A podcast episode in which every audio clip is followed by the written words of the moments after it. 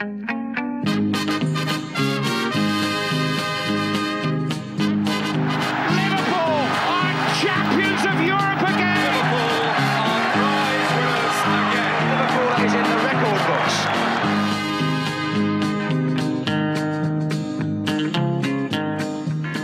Då säger vi äntligen adios till landslagsuppehållet och välkomnar en ny Premier League-vecka och ett nytt avsnitt av eh, LFC-podden som ju faktiskt återvänder för andra gången den här veckan. Eh, har ni missat detta så tog ju Robin Bylund och Christian Andersson tampen på Jürgen Klopps två första år som manager eh, som firas här i oktober.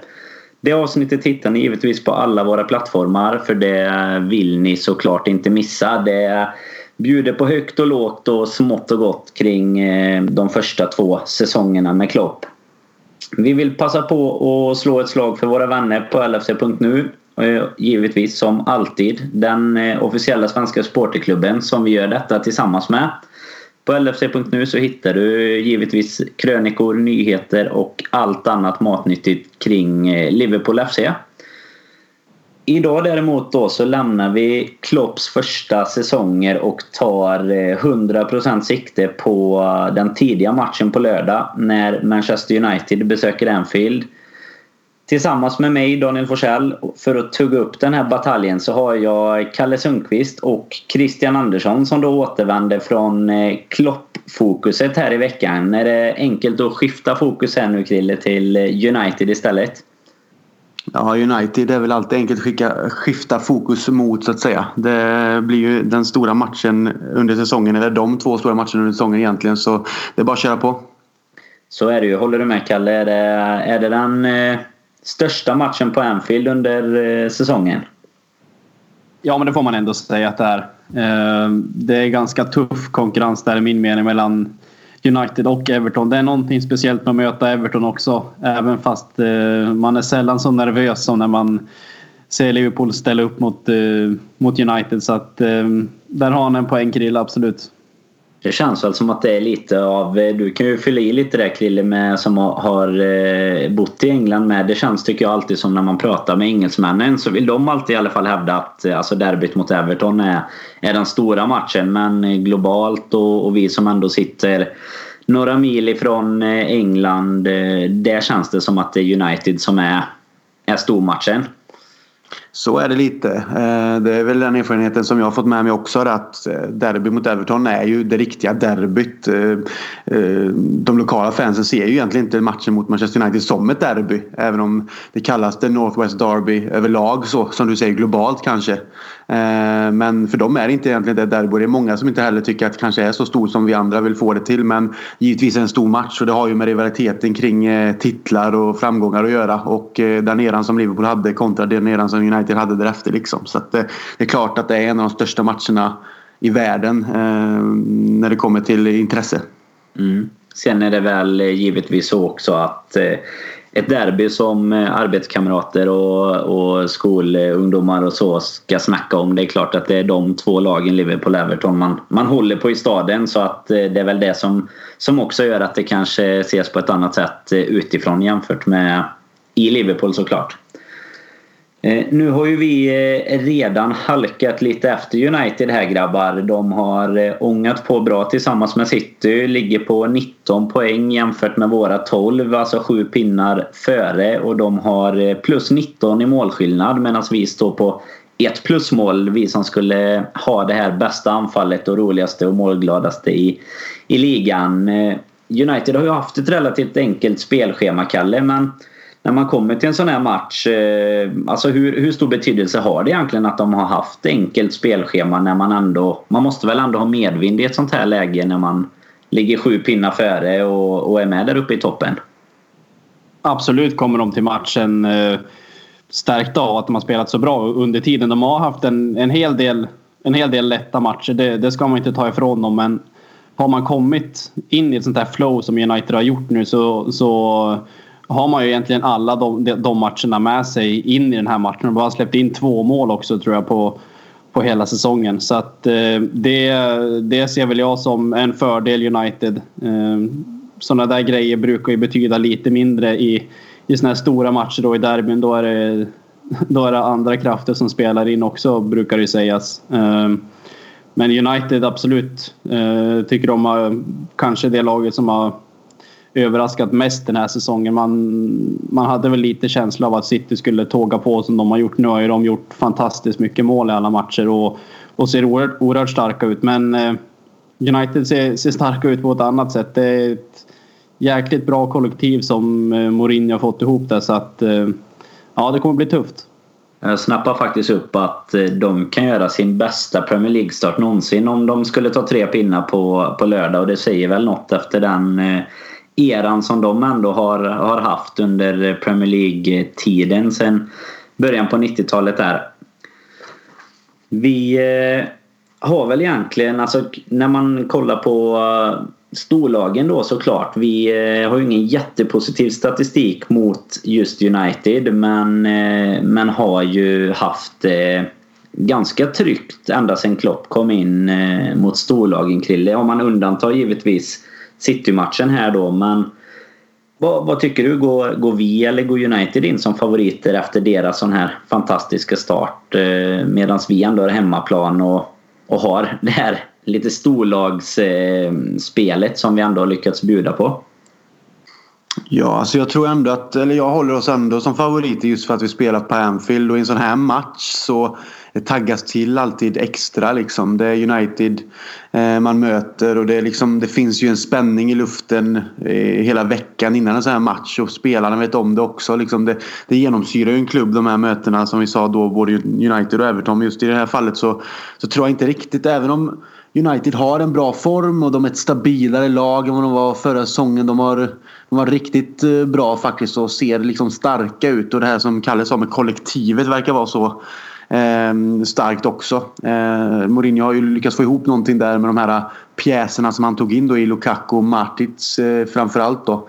Men jag skulle ändå säga att vi är favoriter på hemmaplan. För i en sån här match kan allt hända. Liksom vi, vi kan lika gärna komma till en match där vi får eh, ut jättemycket av det spelet vi haft innan och, och kör över dem. Samtidigt kan det bli jättetajt. Och sen är det klart att United har ju chanserna med. De är ett bra lag. så att eh, det, det, är alltid svårt i den här matchen. Man kan inte riktigt säga på förväg heller liksom hur det ska gå. Men jag känner ändå att det finns en liten fördel oss just för att vi är på hemmaplan och att man taggar till extra. Det är lite så jag känner och så är det väl alltid från matcherna som sagt.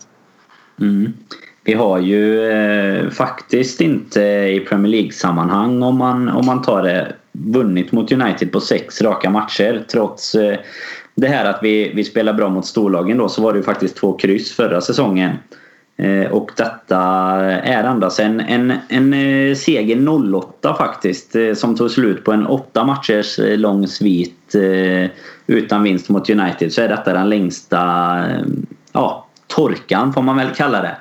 Sen dess, vad, vad känner du där Kalle? Nu kommer ju United... Vi kommer komma in lite på hur, hur vi har försvagats av de här härliga landskamperna som vi alla älskar så mycket. Kommer United till, eh, till matchen utan eh, Fellaini verkar det ju som och Pogba är väl fortfarande skadad om, eh, om jag har förstått det rätt. Vad känner du också att hemmafördelen talar för, för oss? Nej, eh, jag, jag är lite tvärt emot där faktiskt. Eh, jag ser United som, eh, som lite favorit. Jag tittade faktiskt här innan vi skulle spela in vad, vad oddsen var på matchen och båda lagen står i 2,62 så att det spelbolagen som brukar ha rätt tycker att det är 50-50 också. Men jag ser United som lite favoriter och det gör jag egentligen av, av den enkla anledningen. Du nämnde tidigare våran bra statistik mot, mot topplagen. Eh, det är de matcherna vi har tillåtit spela på våra styrkor när det är två lag som, som vill gå framåt och kanske blotta sig lite grann bakåt. Eh, jag har inte riktigt den känslan mot United och Mourinho är inte riktigt känd för att spela på bortaplan och, och ösa på allting framåt. Så att eh, av den anledningen egentligen så, så ser jag United som, som lite favoriter. Eh, de är väl inte lika försvagade av att tappa Pogba och Fellaini som vi är av att tappa Mané kanske. Eh, jag tycker de har spelare som betyder mer för laget än, än vad de två gör. I Matic och eh, Lukaku bland annat som Christian nämnde tidigare.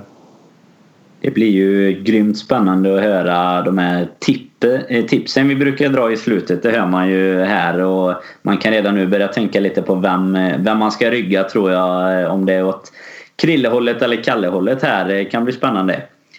Eh, du pratade ju lite Kalle faktiskt om Mourinho på bortaplan där. Jag tänkte att det är en, en liten punkt man kan hålla sig fast vid. För eh, han är ju...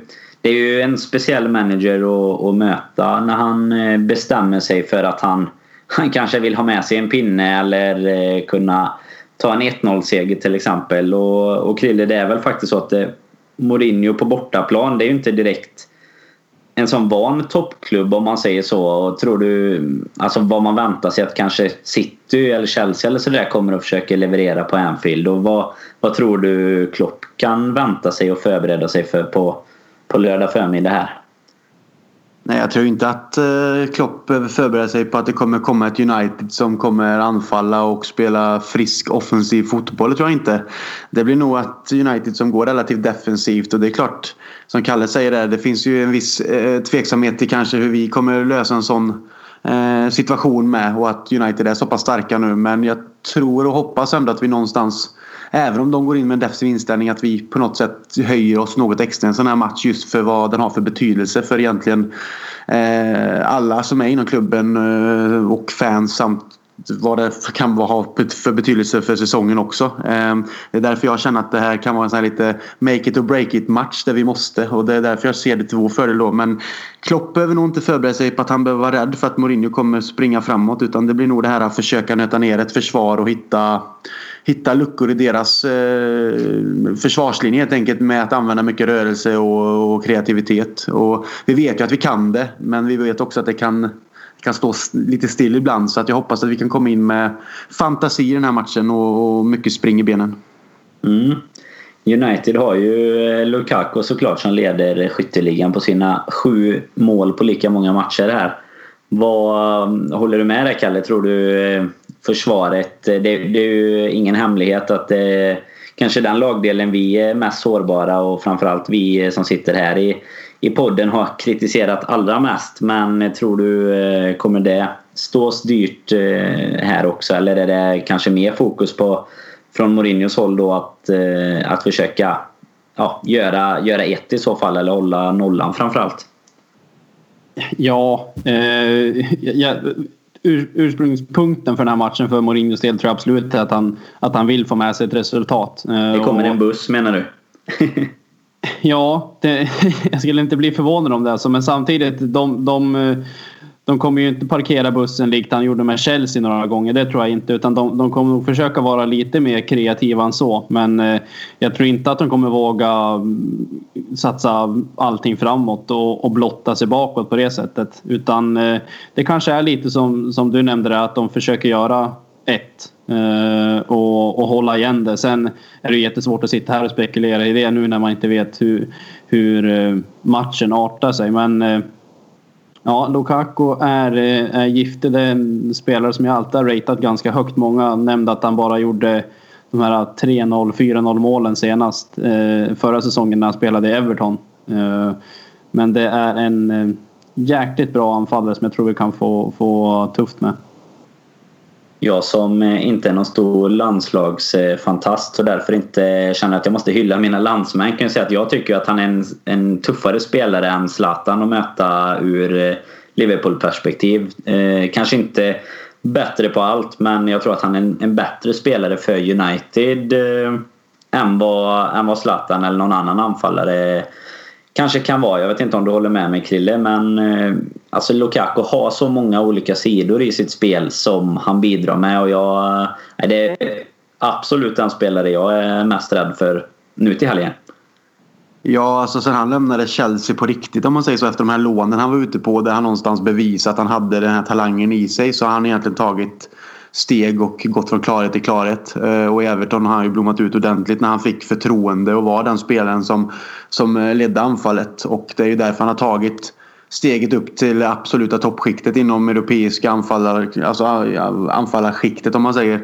Eh, han tillhör ju de bästa tycker jag och jag, jag var ju väldigt länge inne på att vi skulle sno honom från, redan från Chelsea i tidigt när han inte fick spela där för att jag tyckte också att han hade någonting i, eh, eller många attribut som skulle passa även Liverpool då. Fast han är den här lite mer striker-typen så har han ju en explosivitet i sig. Han är ändå rätt snabb och stark och tar sig förbi spelare. Han gör mål på alla sätt och han är, han är tuff och fysisk att möta så att det blir fruktansvärt svårt att möta honom. Ehm, han är en av Europas bästa anfallare, han har bevisat. Och eh, det, det är upp till Liverpools försvarslinje nu lite att bevisa att man klarar av det här. För ehm, ja, ja det, det, det, känns som att han eh, kommer få några chanser och det kan bli något mål där för hans del. Tror jag absolut.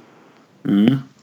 Vi var ju inne på eh, lite kort här. Du nämnde det Kalle. Mané kommer tillbaka skadad här efter landslagsuppehållet. Det känns som att vi eh, jag vet inte om vi eh, är mindre förskonade än andra lag men det känns som att vi sitter här med andan i halsen i två veckors tid varje gång det blir ett landslagsuppehåll. Och nu kommer han tillbaka skadad, borta sex veckor sa de första rapporterna tror jag. Det är egentligen upp till tio matcher om man räknar in alla turneringar här. Eh, vad, um, vad har vi för ersättare där? Är det, är det våra viktigaste spelare som försvinner i dina ögon eller vad, um, hur, hur besviken blev du? Får jag väl fråga då, Kalle? Ja, eh, jag är väl som dig inget jättefan av landslagsuppehåll heller utan man ser det mer eller mindre bara som en, en risk att vi ska dra på oss några skador. Och, eh, och nu gjorde vi det på våran absolut bästa spelare tillsammans med Salah. Eh, så att det är klart att det var jävligt frustrerande. Ehm, och ja, det är absolut våran, vårat största hot offensivt tycker jag. Ehm, som, som vi tappar och det kommer betyda jäkligt mycket för, för de här kommande matcherna. Ehm, vi har sett tidigare hur, hur risig vi har varit när, när bland annat var på, på Afrikanska mästerskapen. Så att det är klart att det är jäkligt frustrerande. Hur vi ska ersätta honom nu vet jag inte. Kanske är det en liten öppning för för Chamberlain att han ska få, få chansen. Eh, han har fått eh, haft en liten inkörsträcka här nu så att det är upp till bevis. Jag har faktiskt fått en, eh, en fråga på Twitter om just eh, Chamberlain där eh, du kan få svara på det Krille men om det är läge för oss nu att eh, Kanske inte just bara för att man är skadad utan att det är dags att sätta in honom på en ytterposition i några matcher och, och låta honom få lite självförtroende. Det är Simon Sundbom som har skickat frågan här. Vad tror du Krille att Klopp har förtroendet för honom? Vi, vi har ju diskuterat det lite om, om det är en kloppvärvning så att säga. Han har fått väldigt sparsamt med minuter än så länge. Men, eh, men känner du att det skulle kunna vara en tänkbar ersättare till Mané på den positionen i, i de här matcherna? Ja, det är det väl. Men jag är lite skeptisk till om det kommer ske faktiskt. Jag menar, det är svårt. En sån match har så stor betydelse och det är en sån eh, stor match som vi har sagt nu flera gånger. Men det är ju rätt. Ska du komma in och leverera en sån match och du kan ju inte ha spelat så många minuter. Eh, och så det här med Mané då att han ska ersättas. Det finns ju lite olika alternativ. Kan ju tänka mig kanske att det finns en möjlighet att Coutinho går upp till vänster och vi använder någon annan av de centrala mittfältarna mot ett starkt eh, United-mittfält liksom för att balansera upp lite. Men absolut, alltså Chamberlain kan också få, få chansen att kanske upp till bevis att komma in och visa vad han går för. Men Ja, det är svårt är det. Det är så jäkla otroligt irriterande och otur att eh, Mané går sönder på det här sättet när det är en sån här match. För vi behöver ju verkligen honom som Kalle sa. Vi har ju märkt det förr när han är borta. Han, han skapar ju... Han ger ju oss eh, helt andra dimensioner i vårt anfallsspel och, och skapar ju mycket på egen hand och är en farlig spelare som hela tiden ställer frågor till försvaret liksom. Så att, jag vet inte. Det, det är lite så 50-50 på Chamberlain. Det kan lika gärna hända för och bli en överraskning men någonstans kan jag känna att det kanske är Coutinho som får ta den där platsen då för att vi vill balansera upp ett mittfält och gå, gå lite mer på safe kanske. Det är väl den känslan jag kan ha spontant så här före då. Vad är din känsla där då Danne? Jag, jag reagerade på det faktiskt nu när, eh, när landslagsuppehållet eh, drog igång. Att han går in och startar direkt för England där. Så att eh, Southgate ser ju uppenbarligen någonting i honom som, som kanske inte Klopp har sett hittills. Men han värvades ju till Liverpool av en anledning. Tror att han har fått suttit lite grann på bänken nu för att, för att komma in i det så att säga? Eller har, har Klopp inte tyckt att han, är, att han är tillräckligt bra? Eller hur är din känsla där? Nej, det är ju det som är frågan egentligen om, om han har fått eh, alltså att han inte har levererat tillräckligt bra sedan han kom för ändå en han kommer ju med en rejäl prislapp så att det känns ju inte som att det är en kille som bara ska nöta bänk eller finnas till om, om det kommer upp skador eller så. Och jag tror väl faktiskt att han kan få chansen nu sen om det nu blir då så att Coutinho går upp på en ytterposition och, och han faktiskt startar i en mittfältsposition som är hans önskade val egentligen eller om det blir på en ytterposition där jag faktiskt hellre hade sett honom. Jag tycker nog att Coutinho gör mer nytta.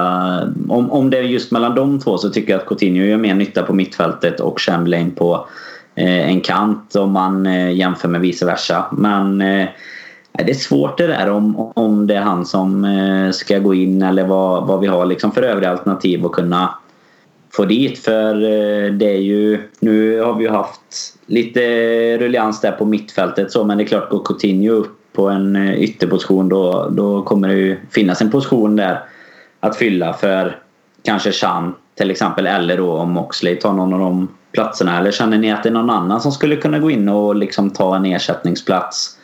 Det är det. Jag vet inte vad, vad tycker du Krille? Är det, är det de som det står emellan egentligen för att ersätta just Mané nu rakt av? Eller finns det ytterligare någon som skulle kunna, kunna utmana?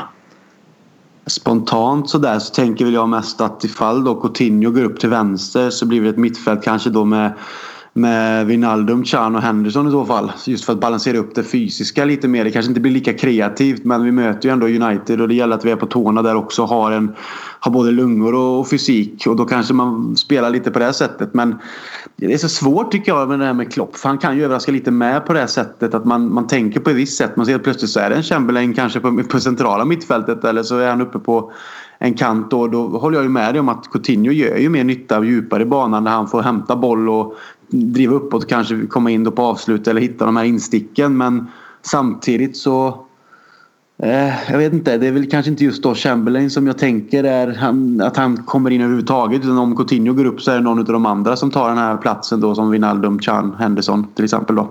Eh, som blir ett mittfält. Eh, det är väl lite så jag såg det i, i så fall och, och Chamberlain är väl inte ens med i, i tankarna där på ett centralt mittfält. Men däremot tar han en kant då så är det ju helt andra saker.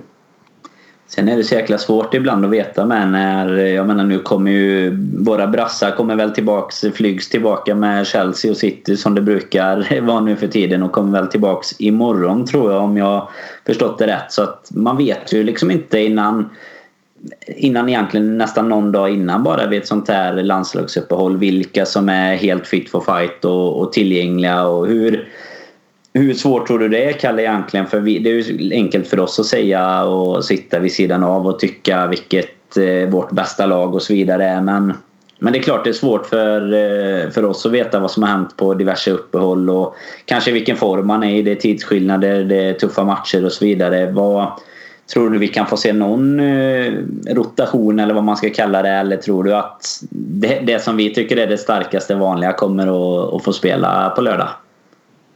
Ja, men det tror jag. Eh, jag har svårt att se att, att det skulle ske någon förändring på, på de spelarna du nämnde nu med, med Coutinho och Firmino i en sån här match. Eh, den, du tror Firmino startar i alla fall om man tänker nu startar ju Sturridge här mot Newcastle och sådär men nu är han tillbaka. Ja, den, den, känns, eh, den känns given faktiskt. Nu kommer de ju tillbaka imorgon som du sa. Vad har vi för dag imorgon? Torsdag. Mm, två dagar innan egentligen tidig då, match på lördag då. Mm. Nej men det är klart att de, att, det kommer, att de kommer märka av att de är slitna med tidsskillnader och allt som varit. Men det tror jag inte de kommer ha råd att, att ha sådana saker i åtanke i en sån här stor match. Eh, måste tänka på också att om vi skulle förlora här nu så är vi 10 poäng bakom United och toppen. Eh, så att eh, det är en viktig match både för tabelläget och prestigemässigt egentligen. Eh, en match som kanske har tappat lite prestige för för spelarna eh, är min känsla. Det känns som att det betyder mer för folket än, än, vad, än vad det gör för spelarna nu när vi inte har Gerard och Carragher och Neville och, och, allt vad de heter. Jag tror det betydde mer då de här matcherna. Eh, men det är en match som betyder så, så mycket mer än så. så att, eh, att gambla bort eh, antingen Firmino eller Coutinho det, det ser jag nästan till som omöjligt.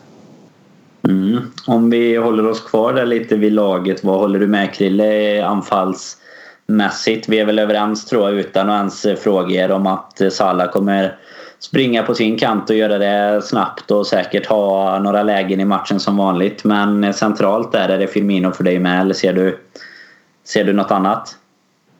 Nej, jag ser inget annat alternativ i det här läget eh, nu när man är borta. Även om Firmino skulle kunna spela, spela på en kant till exempel om man skulle haft Sturridge eh, längst upp eh, så ser jag väl ändå att det är Firmino som tar den centrala positionen trots landslagsspel och resor och hej och hå. Så att eh, den biten tror jag inte ändras på. Absolut inte. Nej. Om vi hoppar bak lite då. Mignolet lär väl stå. Det är ju eh, Champions League till veckan sen också som kommer. Så då kommer det roteras mellan stolparna. Men backlinjen är det intakt med Moreno, Lovren, Matip eh, och Trent tänkte jag säga. Men det, det, är ju faktiskt lite frågetecken där om kanske vem av dem som, eh, som spelar i ett sånt här läge. Nu såg jag att han gjorde sitt första U21-mål bland annat. Men eh, om du skulle få välja Kalle i en, en sån här match där vi ändå möter ett fysiskt United såklart och som är, är starka offensivt också och givetvis snabba kantspelare med. Vad, hur skulle du ställa upp den backlinjen? Eh, jag är enig med dig när, när, det, gäller, när det gäller de övriga tre. Eh, jag ratear väl egentligen eh, Gomes lite högre än Alexander Arnold egentligen. Jag tycker han känns som en, en tryggare ytterback nu var det väl mot United senast va? I, i ligan som, som Trent kom in och gjorde sin debut på Old Trafford. Det, det gjorde han ju jäkligt bra med de förutsättningarna och det är en oerhört spännande spelare. Men eh, speciellt i den här typen av matcher också så ser jag hellre Gomes faktiskt. Mm. Är du överens Krille? Ja, just försvarsmässigt och fysiska aspekten i det så ser jag väl Gomes som en lite mer tryggare högerback i det här läget. Sen kan jag tycka att Trent är lite mer Alltså han är lite mer driftig med bollen och när han går uppåt. Det Gomes är bra på det med men jag tycker Trent har väl ett lite mer eh, offensivt tänk på det sättet. Men nu vet vi ju inte heller hur United kommer ställa upp. Så att eh, ja, Alexander Arnold kanske har varit en bra, ett bra alternativ i det här läget för att komma med lite snabbhet och slå ett inlägg så. Men försvarsmässigt så det känns som vi kanske säkrar ändå lite för att vi vet att det är en viktig match som vi inte liksom, vill gå bort oss i. Så att jag tror också att det blir eh, Gomes som högerback. Mm. Det återstår att se vad som händer där. Jag, jag snappade upp också att det är Martin Atkinson som ska döma. Det var ju han som dömde ut Gerard mot United efter 30, vad var det, 38 sekunder eller något sånt. Och eh, även den domare som Gerard själv i, i, sin senaste bok sa att det är den enda han inte, inte klarar av. Men vi får väl hoppas att det inte ska sätta några käppar i hjulet eh, för oss där i alla fall. Jag tänkte också att vi ska eh, dra, det är alltid roligt i sådana här stormatcher så eh, ta lite eh, tempen. Vi har ju ändå haft förmånen att, att vara över några gånger och du är givetvis mest Krille. Vad minns du ens hur många United-matcher det har, har, har hunnit bli? Uh, Ja, det är väl egentligen... Jag tror säkert det varit varje säsong som jag bodde där. Både hemma och borta de flesta. Så jag vet inte. Det är väl kanske någon senare också. Så det är upp mot kanske tio matcher sammanlagt då. Mm. Kanske, är någon, någon, någon som sticker ut som någon eh, favorit där? Uh, det är väl egentligen den matchen. Det måste vara 2000... Oh, det är svårt. 2011 eller 2012. Får rätta mig om jag har fel där. Men det är väl egentligen Suarez har lite lekshow och Köjt gör sitt hattrick då. Det är väl den som sticker ut som är eh, som är den där matchen som man verkligen, verkligen kommer ihåg för att den hade just det där. Suarez lekte mm. bort varenda försvarare och Köjt var ju bara på rätt plats och, och tryckte in bollarna helt enkelt. Eh, och sen om det är på Anfield egentligen, och ska väl, kan jag inte riktigt att det sticker ut något utan det är väl egentligen att man har fått förmånen att vara travelling cup på bortamatcherna men nu spelar vi inte den matchen så det kan vi ju lämna. Ja, nej men så är det vi, eh, Jag har eh, varit på, på Anfield två gånger och sett oss bland annat där. Lite tråkigare minne från Suarez då när eh, den här Evra-incidenten skedde. Lika matchen där. Och sen en, en seger också med, med Eidefors bland annat. Som ju inte, Eidefors och Bylund de som inte är med oss här idag som var på plats också. Så vad kan, kan kan ju flika in faktiskt att jag var ju på plats när Gerard blev utvisad med. Men jag uppfattade ju inte det. Jag trodde att det var Herrera som skulle åka ut. Så jag var ju nästan så att jag jublade innan jag förstod att det var, att det var Gerard som gick ut. Och man undrade vad fan var som hände. Det var lite sådär också. En liten chockupplevelse helt enkelt. Ja, nej men det är klart. Det var en, en tuff dag det där. Eh, det, annars om du, du var inne på lite favoriter med. Då är det väl givetvis det som sticker ut. Nu var jag inte på plats på den men 4-1 på Old Trafford. Den är ju den är mumsig och, och veva på Youtube och har ju gjorts diverse gånger. Alltså vilken, eh, vilken uppvisning egentligen och så på bortaplan så med. Mm. Det, den är inte dum alls. Vad hade du varit över också Kalle på någon United-match tyckte jag du nämnde va? Ja, jag har en eh, United-match. Eh, kan det ha varit 2012 kanske? Eh, för att vi förlorade 2-1 den matchen. Eh, det var när, när Kjell, vi hade lite show. Han flög ihop där med, med Evans och han sa några välvalda ord till, till Ferguson. Och det, var, det var mycket den matchen. Ehm, jag tror vi förlorade 2-1. Van Persie på straff. Ehm, så att det är väl den jag har på plats. Men sen har man givetvis många, många minnen av, av bra matcher. Den du nämnde där 4-1 är väl den som sticker ut egentligen. Ehm, Torres Ja, jag tror Vidic drömmer nog fortfarande lite mardrömmar om, om Torres där. Eh, sen är det väl ett ögonblick också, när kan det vara då? När Ngog gör 2-0 och Reina springer över hela, hela plan och firar. Det är också en sån här minne som, som sticker ut lite grann. Eh, så det finns många, som vi nämnde tidigare, vi har inte um, vunnit så, så mycket de senaste, senaste åren. Uh, men det, absolut är det några matcher som sticker ut. Danny Murphys alla frisparksmål också. De minns man alltid också mot United. Han gjorde ju några stycken där ett tag i början av 2000-talet och då vann vi ju kanske den med 1-0, 2-1 och det var alltid han som gjorde frisparksmål i två, tre matcher kändes det som. Så att, Ja, ja, också härliga minnen. Det- Han och Aurelio. Ja, precis. Ja, det finns mycket, mycket härliga United-minnen så sett. Det är väl som vi pratade om innan bara. Nu var det ett tag sedan. Nu behöver vi bygga upp eh, det där eh, självförtroendet mot dem igen. Och ehm, det är ju ett, ett tufft lag. Det var väl förra säsongen tyckte man väl att vi, vi skulle vunnit eh, Kalle där vid den 1-1 matchen. Som, det var väl Zlatan som kvitterade om jag inte minns helt fel där. När, vi, när Milner tror jag hade gjort mål på straff. Och vi, vi hade ett ganska bra övertag men man kan ju inte få allt här i livet som sagt. Nej. Vi, Nej. ja, det var väl, ja, men det var väl Zlatan eh, där i, i slutet tror jag. Det var väl eh, mellan 80 och 90 en gång. Eh, 80-50 minuten någonstans där känns det som att han kvitterade. Så att eh, där hade man väl, man ska inte säga att man hade inkasserat en seger men eh, man var jäkligt nöjd. Det var lite samma känsla som när Jagielka smällde in kvitteringen i derbyt där. Eh, luften gick ur en lite grann. Eh, och det är väl det som är charmen med de här matcherna också. Att man slängs mellan hopp och förtvivlan hela tiden. Det är så mycket nerver och det är så mycket som står på spel. Så att det, det är en av de absolut roligaste, om inte den roligaste matchen på hela säsongen att se fram emot i alla fall. Eh, Sen eh, för mig brukar det vara 90 minuter pina när man sitter där och tittar. Jag vet inte hur det brukar vara för er.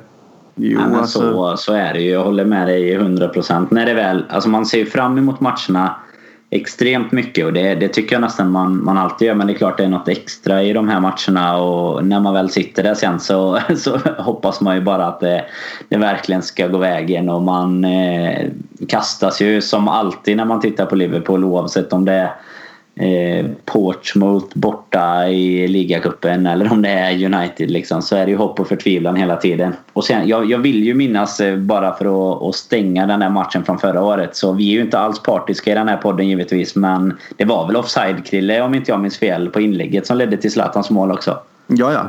Alltid.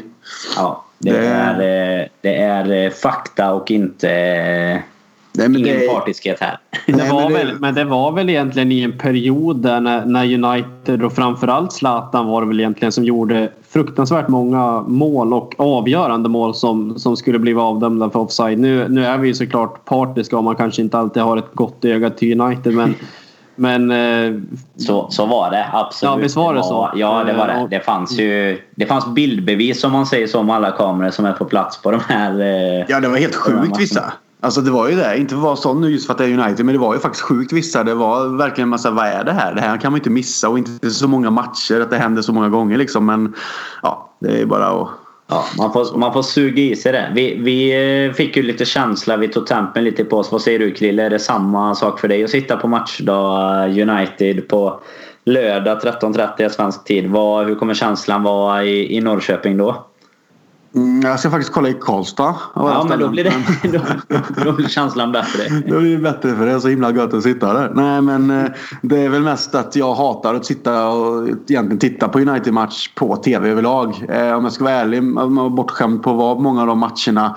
eh, Både borta och hemma såklart och fått uppleva dem live. Men det är ändå, då är man någonstans mitt i det. Nervositeten är inte lika påtaglig. Jag tycker det är fruktansvärt jobbigt att sitta framför tvn och se de här stormatcherna och särskilt mot United. Det, ja, det byggs ju upp under veckan och jag kanske inte är så nervös nu men det kommer ju slå mig sen när det liksom väl man vaknar upp på lördagen att det, det är match. Och jag skulle faktiskt varit över med brorsan. Han fyllde år förra nu i helgen som var så att det var ju tanken att han fick ju den biljetten i födelsedagspresent av mig och jag och han skulle åkt men av privata skäl så kan jag inte åka men han åker över med en annan kompis till oss så han får ju vara där och skida på sig live helt enkelt. Mm. Han, han är ju nervösaste människan i världen. Ehm, nej så att egentligen skulle man varit där och det har varit jävligt kul för det var ett tag sedan nu men eh, han får väl dra det lasset och vara på plats och eh, förhoppningsvis inte jinxa någonting utan han får vara en sån här eh, som skapar glory istället. Så är det ju. Vi får ju, vi får ju önska han eh, lycka till här till helgen och eh, hoppas att det inte är en, eh, en Jocke Lundberg som vi skickar över som eh, nästan är förlustgaranti på. Även fast han var på United-matchen i, i Europa League där vi faktiskt senaste gången vi besegrade dem. Eh, konstigt nog så, så lyckades han pricka en, en sån match för en gångs skull. Eh, jag tänkte vi ska nämna här med nu Eh, det enda egentligen jag sa. Vi skulle ha 100% fokus på eh, United-matchen men det kom ju lite nyheter här i veckan kring eh, världens bästa fotbollsspelare eller utmärkelsen för den, den här shortlisten för Bollon d'Or, Kalle. Och både Coutinho och Mané med. Vi, vi är inte jättebortskämda men jag tycker inte jag har haft med spelare i, i de sammanhangen. Men välförtjänt. Bland de 30 bästa tror jag är det väl som Ballon d'Or eh, ja, innan de väljer ut då. Tycker du både Coutinho och Mané är det baserat på givetvis eh, de prestationerna som har varit under förra säsongen då? Är det två av de 30 bästa fotbollsspelarna i Europa? Ja, det, det tycker jag väl egentligen. Eh, att, det, att det båda är välförtjänta av det. Eh, Ser man eh, vilka andra spelare utan att veta alla så, så tycker jag att det känns ganska rättvist att båda är med faktiskt. Eh, att Coutinho skulle komma med det var väl känslan egentligen. Eh, men sen eh, när de presenterade att Mané hade tagits ut också så, så tyckte jag att det var hans stora erkännande kanske hittills. Att han eh, är en riktigt riktigt, riktigt bra spelare. Eh, och att bli utsedd till en av de 30 bästa i världen är ju absolut ett bevis på det. Så att eh, två välförtjänta utmärkelser och nu är det bara återstå att se hur långt de kan ta sig i, i det där. Eh, men bara att vara nämnd i det sammanhanget är ju stort för båda två såklart. Vi har ju eh, våran eh, gamle gode bekanting Luis Suarez med där såklart. Men är det någon krille av eh, Coutinho och Mané som kommer att knuffa ner Ronaldo eller Messi från, från tronen tror du? Det känns väl som det är de två som det står emellan. Ja, det kommer nog stå mellan dem i alla fall något år eller två, tre till tror jag i alla fall om det fortsätter som det, som det har gjort de senaste 10-15 åren känns det som. Det, det är nästan lite tråkigt kan jag tycka.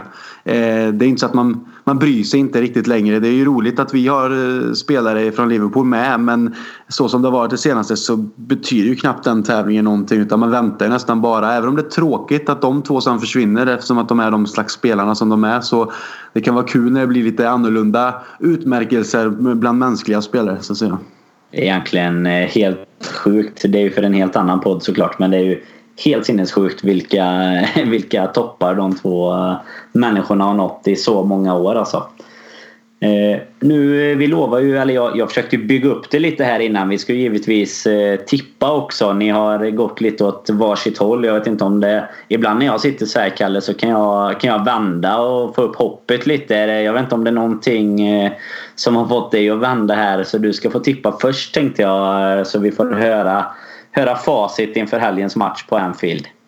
Ja, eh, jag brukar väl vara en av dem i, i det här eh, sammanhanget som, som står för optimismen. Eh, den har väl kanske försvunnit lite grann nu under landslagsuppehållet. Eh, som jag nämnde tidigare så ser jag United som, som lite favoriter. Eh, tappat Mané nu också ett stort avbräck för, för Liverpool såklart.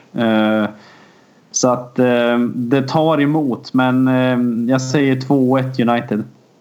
Mm. Krille?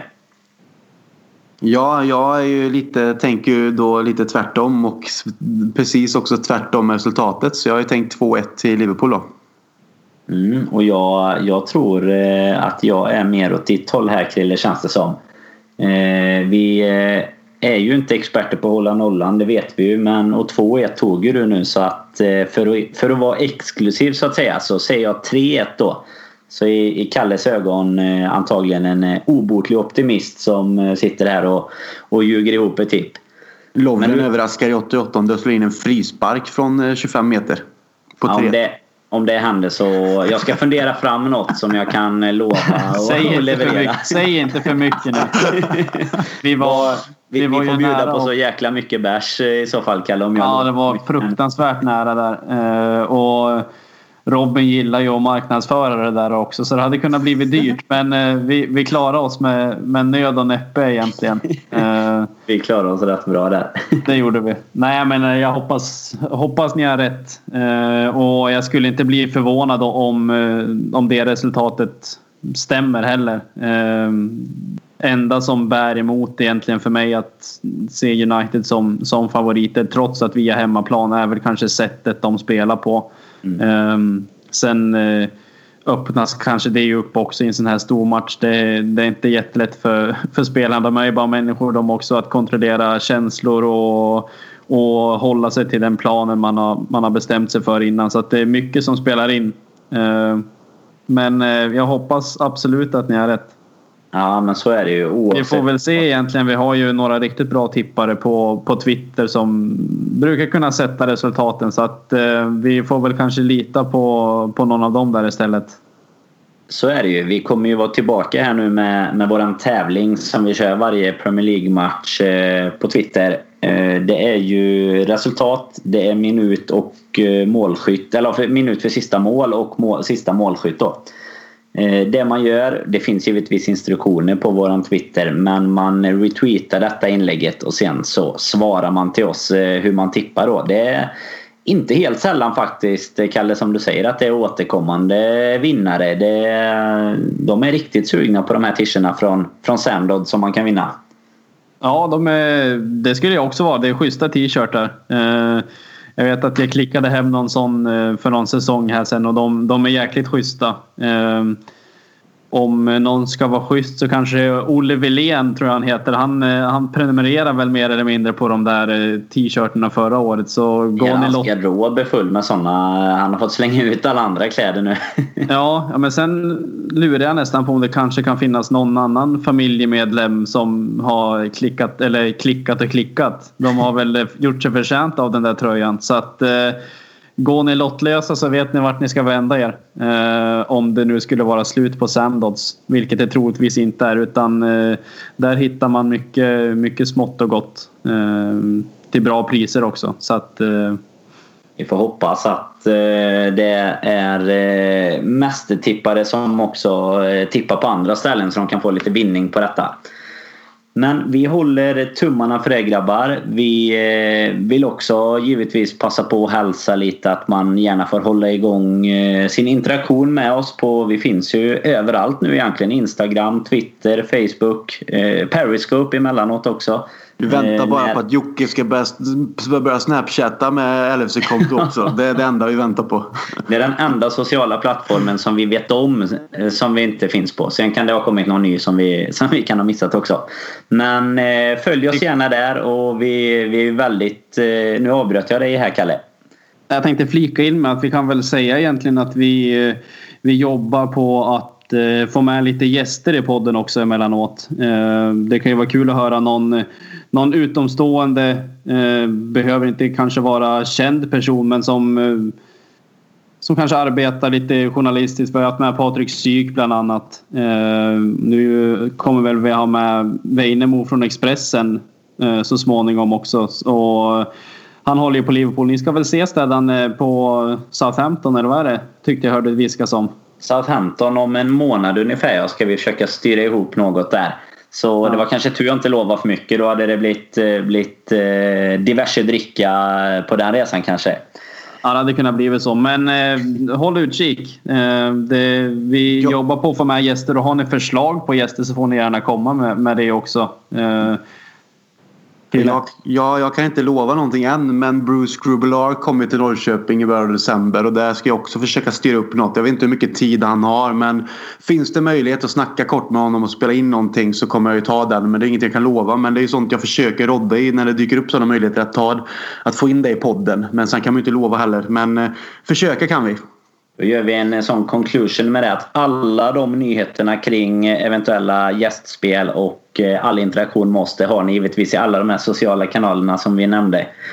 Eh, så följ oss där och eh, fråga oss, hylla oss eller kritisera oss. Det är helt valfritt och vi försöker att svara på allt och tar gärna emot alla era synpunkter. Tills dess grabbar, tack för idag.